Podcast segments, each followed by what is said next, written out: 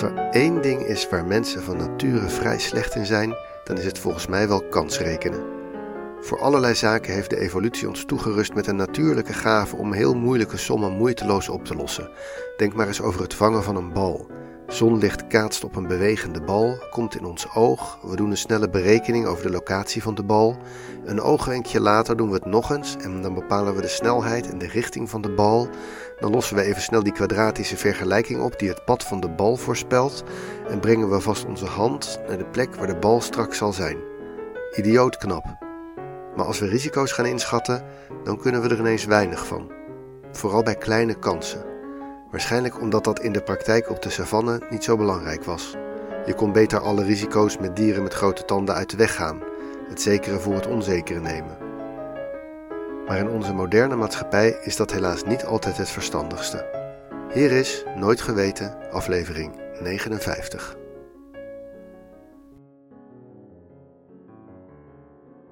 Laat me beginnen met een persoonlijke ervaring. Ik zie mezelf als een vrij rationele beslisser niet met alles. Met de kleine beslissingen vaar ik vaak genoeg blind op mijn gevoel. Maar bij beslissingen die gaan over leven en dood, over levensgeluk op lange termijn, dat soort dingen. Daarbij probeer ik echt wel om de voor- en nadelen van een beslissing op een rijtje te zetten, de kansen in te schatten, af te wegen wat de kosten en de mogelijke opbrengsten zijn van de verschillende opties. En toch, ongeveer zes jaar geleden was ik in Iran. Een prachtig land met een enorm vriendelijke bevolking die nu al 40 jaar zucht onder een krankzinnig regime, maar daar gaat het nu niet om. We reisden zelfstandig rond, meestal per bus van stad naar stad. We waren aangekomen in de stad Shiraz en onze volgende etappe was een relatief lange. Er was ook weinig onderweg waar wat interessants te zien was. We stonden voor de keuze om ruim 10 uur in de bus te gaan zitten, waarbij we ook een flinke bergketen moesten oversteken, of om een binnenlandse vlucht te nemen. De prijs was wel wat hoger, maar niet onredelijk en over onze CO2-voetafdruk maakten we ons toen nog niet zo druk. Het enige wat me dwars zat, was dat ik had gelezen dat binnenlandse vluchten in Iran niet zo veilig waren. Door het handelsembargo kon Iran niet zomaar nieuwe vliegtuigen kopen, dus werden de meeste vluchten uitgevoerd met Russische vliegtuigen zoals Antonovs of met heel oude westerse modellen die je bij ons al lang niet meer in gebruik ziet en waarvoor ze niet meer goed aan reserveonderdelen kunnen komen. Dus wij zaten te dubben. Gewoon tien uur in de bus gaan zitten of zo'n riskante vlucht pakken. Wat me met name dwars zat, was het idee dat we zouden neerstorten in de bergketen en dat dan niemand zou weten dat wij in dat toestel zaten. Dus uiteindelijk besloten we wel te gaan vliegen, maar ik nam van tevoren contact op met een vriend in Nederland en gaf hem onze vluchtgegevens door en sprak af dat we weer contact zouden opnemen als we veilig geland waren. En toen ja, toen niets natuurlijk. We vlogen in een keurig vliegtuig, er gebeurde niets raars. We kregen halverwege best lekker eten van een vriendelijke stewardess. Was dat nou allemaal aanstellerij? Was dat verhaal over die riskante binnenlandse vluchten een hoax? Nee, dat klopt op zich allemaal wel. Binnenlandse vluchten in Iran hebben vaker ongelukken dan in de rest van de wereld. Wat hier wel misging, was heel menselijk. Ik dacht na over de extra risico's van vliegen en kon me ineens helemaal voorstellen hoe dat zou gaan, zo'n vliegramp. We namen voorzorgsmaatregelen die vooral te maken hadden met de situatie als het mis zou gaan, maar we deden helemaal geen realistische vergelijking van de twee risico's. Het risico om om te komen bij een Iraanse binnenlandse vlucht en het risico om om te komen bij een Iraanse tienurige busrit over een bergketen. Zelfs al zijn vliegtuigen in Iran minder betrouwbaar dan in Europa, dan nog is het best een veilige manier van vervoer. Een bus trouwens ook, maar minder veilig dan vliegen. Wat we ons hadden moeten afvragen was misschien ook hoe dat risico zich verhield tot andere risico's die je neemt. De etappe naar Shiraz hadden we per taxi gedaan, nog wat onveiliger dan een bus. En we liepen daar natuurlijk ook doorlopend door vreemde steden waar je de weg niet goed kent, met veel cash geld op zak, want pinnen kan er niet door de sancties. En we staken trouwens ook heel vaak de weg over. En we aten op plekken die er heel netjes uitzagen, maar die vast niet voldeden aan wat de Voedsel- en Warenautoriteit in Nederland vereist. Ik bedoel maar, vakanties in verre vreemde landen zijn nu eenmaal niet zonder risico. Binnen die context sloeg het helemaal nergens op dat we ons druk maakten over het risico van die vlucht. Maar goed, hoe moet je het dan wel doen? Hoe moet je inschatten of een risico bestaat, maar acceptabel is, of dat je maatregelen moet treffen? Onze intuïtie is daar in ieder geval extreem slecht in. Dat overdrijven van het gevaar omdat je je helemaal kunt voorstellen hoe dat zal gaan, dat heet availability bias. Dat is een term die bedacht is door Kahneman en Tversky, die een heel aantal van dat soort ingebakken irrationele shortcuts in het menselijk denken in kaart hebben gebracht. Als je daar meer over wilt weten, lees je het boek Thinking Fast and Slow van Daniel Kahneman. En deze specifieke vergissing, dat je dingen zwaarder laat wegen die je snel voor de geest kan halen, dat zat mij hier denk ik dwars. Ik zie dan plaatjes voor me uit Kuifje in Tibet, waar hij in de Himalaya zijn vriend Chang gaat zoeken, die lijkt te zijn omgekomen bij een vliegramp. Die plaatjes komen bij mij direct boven, terwijl de plaatjes van een ongeluk met een taxi veel minder prominent in mijn geheugenbank zitten. Wat kan je daartegen doen? Het antwoord is natuurlijk niet om bij iedere beslissing uitgebreide kansrekening te gaan zitten doen. Daar zijn mensen namelijk ook helemaal niet goed in en bovendien heb je de gegevens die je bij zo'n berekening nodig hebt dan nooit tot je beschikking. Wat handig zou zijn, is als je aan dingen een getal zou kunnen hangen dat hun gevaarlijkheid aanduidt, zodat je heel verschillende dingen makkelijk met elkaar zou kunnen vergelijken en dat je direct zou kunnen zeggen: Oké, de gevaarlijkheid van deze vlucht is weliswaar hoger dan die van de vlucht van Amsterdam naar Teheran, maar dit is nog steeds een heel klein soort van gevaar waarvan ik wel vaker accepteer dat ik het loop. Zo'n maat voor gevaar bestaat en ik wil er hier een lans voor breken dat we die in onze maatschappij vaker gaan gebruiken en dat we die getallen ook transparant gepubliceerd krijgen.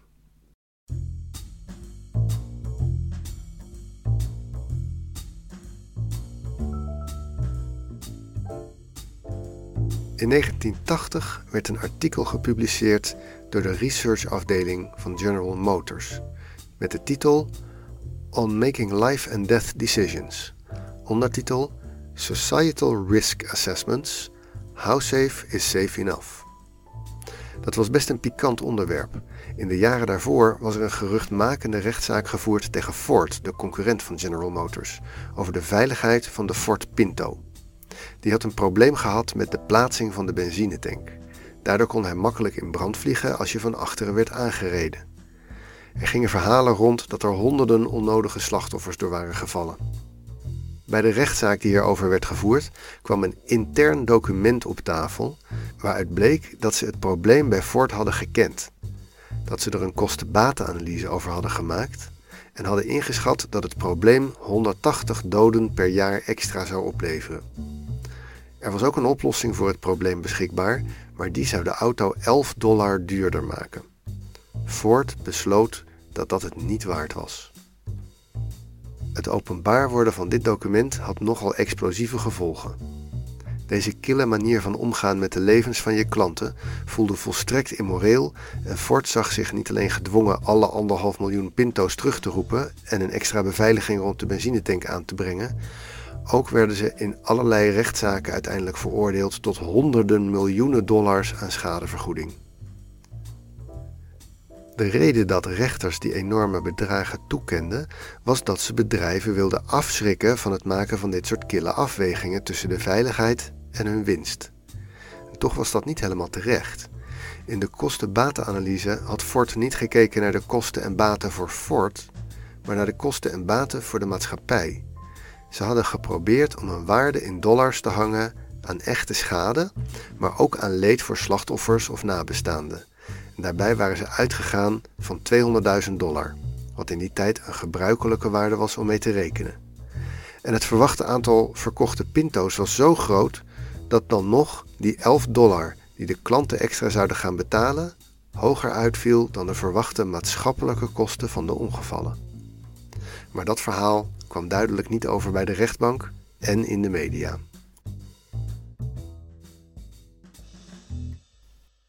En nu, in 1980, kwam General Motors dus met een artikel over How safe is safe enough.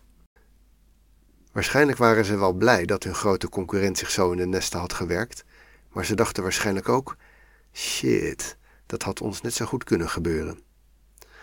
De hoofdauteur van het artikel was niet zomaar iemand, het was Ronald Howard, een gerenommeerde prof aan Stanford die min of meer zelf het vakgebied beslissingsanalyse had bedacht. In het artikel probeerde hij niet alleen een manier te bedenken om dit soort leven- en doodafwegingen op een verstandige manier te doen, maar hij zocht ook een manier waarmee je die risico's voor een groter publiek vergelijkbaar zou kunnen maken. hoe je bijvoorbeeld het extra risico op omkomen in een brand in een Ford Pinto zou kunnen vergelijken met bijvoorbeeld het niet dragen van je autogordels of een dag gaan skiën. En misschien hoopten ze ook inzichtelijk te maken voor het publiek dat je soms juist wel moet praten over hoeveel het voorkomen van levensgevaar je waard is. In geld. Hij stelde een nieuwe eenheid voor om het gevaar mee te meten en vergelijkbaar te maken: de micromort. Het is eigenlijk een vrij eenvoudige maat. Eén mort betekent dat je zeker doodgaat door een bepaalde actie. Dus bijvoorbeeld zonder parachute uit een vliegtuig springen, dat draagt een risico van één mort. Maar dat is niet interessant. Dat soort grote risico's, daarbij werkt onze intuïtie best goed. We zijn geïnteresseerd in de kleine risico's. Daarom werken we bijna altijd in micromort, dus een miljoenste mort. Om een voorbeeld te nemen: duiken, scuba diving. Duikverenigingen weten redelijk goed hoe vaak hun leden een duik maken en hoeveel dodelijke ongevallen erbij zijn gebeurd. En zo weten we dat een duik met perslucht ongeveer 5 micromort aan gevaar draagt. Uiteraard hangt het ook af van je gedrag en hoe ervaren je bent en je zou dat helemaal kunnen gaan opsplitsen, maar als leden van een duikvereniging gemiddeld 5 micromort aan gevaar lopen per duik, dan ligt het risico voor jou daar waarschijnlijk niet zo ver vanaf. Maar is dat nou veel, 5 micromort? Laten we eens vergelijken met andere dingen die we wel eens doen. Bijvoorbeeld 1000 kilometer vliegen. Dan blijkt het gevaar van zo'n vlucht rond de 1 micromort. Dus een stuk minder gevaarlijk dan de scuba-duik. Maar bijvoorbeeld 100 kilometer op een motor is dan weer gevaarlijker, namelijk 10 micromort. Dus qua gevaar is 100 kilometer op de motor gelijk aan twee keer duiken of vijf keer heen en vijf keer terug vliegen naar Barcelona. Wat ook wel interessant is qua vergelijkingsmateriaal, is hoe gevaarlijk het leven al is als je niets speciaals doet. Als je opstaat en je leven leidt, maar niets doet waarvan je weet dat er een serieus risico aan hangt. Dat hangt sterk van je leeftijd af. Een pasgeborene loopt veel risico. Er kan tijdens die eerste levensdag van alles misgaan. De eerste levensdag van een mens in Engeland draagt een risico van 430 micromort. Maar als je eenmaal volwassen bent, is het risico een stuk lager. Op je twintigste loop je elke dag dat je nou eenmaal leeft maar 2 micromort. Als je 45 bent, is het alweer 6. En tegen je 75ste is iedere dag dat je leeft een risico van ongeveer 100 micromort. Laat me hier wat kanttekeningen bij maken. Je kan deze dingen optellen. Dus ook al loopt een persoon van 45 al 6 micromort gevaar door alleen maar te leven, door ook nog een scuba-duik te gaan maken, verdubbel je ongeveer het risico. En dan zou het verleidelijk zijn om te zeggen dat als je eenmaal 75 bent, dat dan die 5 micromort aan gevaar voor een duik ook niet meer uitmaken. Het gaat toch van de grote hoop. Maar zo werkt het natuurlijk ook weer niet. Die berekening van het gevaar van een duik is gebaseerd op de duiken die in het echt worden gedaan. Als je 75 bent, is door allerlei redenen het gevaar waarschijnlijk groter dan dat gemiddelde van 5 micromort. De kracht van rekenen in micromort is dat je allerlei verschillende gevaren kunt vergelijken en dus ook beter in perspectief kunt zien. Zo weten we dat een marathon lopen maar een klein beetje gevaarlijker is dan een scuba-duik. Parachutespringen is per sprong ongeveer het dubbele van een duik, maar dat is allemaal peanuts vergeleken met basejumping, dat is met een parachute van een hoge rots of een hoog gebouw afspringen. Het gevaar daar is dat als je parachute het niet goed doet, je geen tijd meer hebt voor een reserve. Het is 43 keer gevaarlijker dan gewoon parachutespringen. Maar nog steeds lang niet zo gevaarlijk als hoge bergen beklimmen. Bijvoorbeeld de Matterhorn in Zwitserland beklimmen. Dat gebeurt 2500 keer per jaar en dat is vijf keer gevaarlijker dan basejumping en dus ongeveer net zo gevaarlijk als 570 keer duiken met perslucht. En dan hebben we het nog niet gehad over het beklimmen van Mount Everest. 38.000 micromort, dus nog eens 15 keer zo riskant als de Matterhorn. Dan ben je, in mijn wereldbeeld dan, gewoon gek als je dat doet.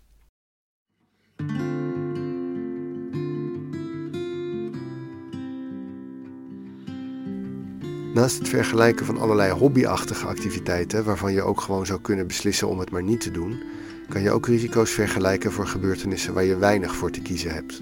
Bijvoorbeeld het risico van een volledige narcose in het ziekenhuis of van een bevalling. Een narcose draagt ongeveer 10 micromort aan levensgevaar. dus zoiets als een parachutesprong.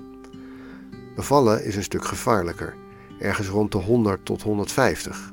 Dus nog niet in de orde van basejumping, maar een stuk gevaarlijker dan parachutespringen. En daarbij is trouwens een keizersnede iets gevaarlijker, maar niet veel. Er zijn ook vormen van risico waarvoor de micromort helemaal niet zo geschikt is. Bijvoorbeeld langetermijnrisico's. Van een sigaret ga je bijna nooit meteen dood, maar de lange termijn impact op je levensverwachting is best groot. Howard gebruikte in zijn oorspronkelijke artikel dat soort risico's gewoon door elkaar, maar tegenwoordig zeggen risico-experts dat je daarvoor beter het broertje van de micromort kan gebruiken, de microlife. Een microlife is een miljoenste leven aan verwachting. Dan blijkt dat een pakje per dag roken je ongeveer 10 microlife per dag kost, wat ongeveer overeenkomt met 5 uur. Ik denk eigenlijk niet dat de micromort erg heeft geholpen bij het oorspronkelijke doel. De meeste mensen hebben er nog nooit van gehoord en ik denk dat men het nog steeds heel ongemakkelijk vindt als er berekeningen worden gemaakt waarbij mensenlevens worden afgewogen tegen geld, als er een bedrag aan een mensenleven wordt gehangen. Ook al weten we best dat vroeg of laat iemand dat soort afwegingen zal moeten maken, we willen het niet weten. Maar voor mezelf zou ik het dus heel fijn vinden om van allerlei zaken waarover je in het dagelijks leven beslissingen moet nemen, te weten over hoeveel micromorten we het eigenlijk hebben. Op Wikipedia staat een lijstje berekende waardes, waarvan ik er in dit verhaal een aantal heb genoemd. Maar van heel veel soorten activiteiten en gebeurtenissen is het nooit goed uitgerekend. Wat zou het risico zijn van 1000 kilometer liften? Of van snowboarden versus skiën? Of van wildwatervaren? Van een tattoo zetten? Van wat lopen? Of een half uurtje karten? Geen idee. Maar ik zou het wel echt graag willen weten. Dan kan ik iets beter bewust risico's nemen. Zou het CBS zoiets niet kunnen bijhouden? Of Eurostat? Heel graag. Dan nu nog even wat nuanceren. Het zou niet zo'n goed idee zijn om al je beslissingen in het leven te maken op basis van de hoeveelheid micromort aan risico. Om te beginnen zijn er nog heel andere risico's dan doodgaan. Er zijn activiteiten waar je niet snel aan doodgaat, maar waar je wel gemeen gewond van kan raken. Het gebruiken van heroïne bijvoorbeeld staat voor 30 micromort in de lijst. Valt eigenlijk wel mee, gevaarlijker dan parachutespringen, maar lang niet zo gevaarlijk als bevallen. Meer zoiets als van Utrecht naar Groningen rijden op de motorfiets. Toch zou ik eerder bij iemand achter op de motor naar Groningen stappen dan heroïne gebruiken, omdat heroïne zoveel vervelende effecten heeft naast direct overlijden. Direct overlijden aan een shot is misschien wel een van de kleinste problemen van heroïne gebruiken. Je kan verslaafd raken. Met een beetje pech kost het je je werk, je vrienden, je familie en je gezondheid. En je gaat niet meteen dood, maar je krijgt een rot leven. Aan de andere kant vertellen micromortje ook niets over de positieve kant van allerlei activiteiten. Motorrijden is misschien riskant, maar sommige mensen beleven daar heel veel plezier aan. Hoe je dat plezier moet uitdrukken en wegen tegen risico, daar zegt de micromortje ook niets over. Het laat je alleen de risico's die je wel of niet neemt in perspectief zien. Risico's afwegen is zo lastig. Een beetje perspectief. Dat is al heel wat. Dit was aflevering 59 van Nooit Geweten. De oplossing van de fotopuzzel was de pagina Micromort. Nooit Geweten wordt gemaakt door mijzelf, Teun Duinstee en is een hommage aan Wikipedia. Ken je iemand die dit een leuk verhaal zou vinden? Stuur het dan door. Volgende week is alweer de laatste aflevering van dit seizoen. En daarmee dus ook de laatste kans om een puntje te scoren met het oplossen van de fotopuzzel. Die vind je in de show notes. Bedankt voor het luisteren en tot de volgende week.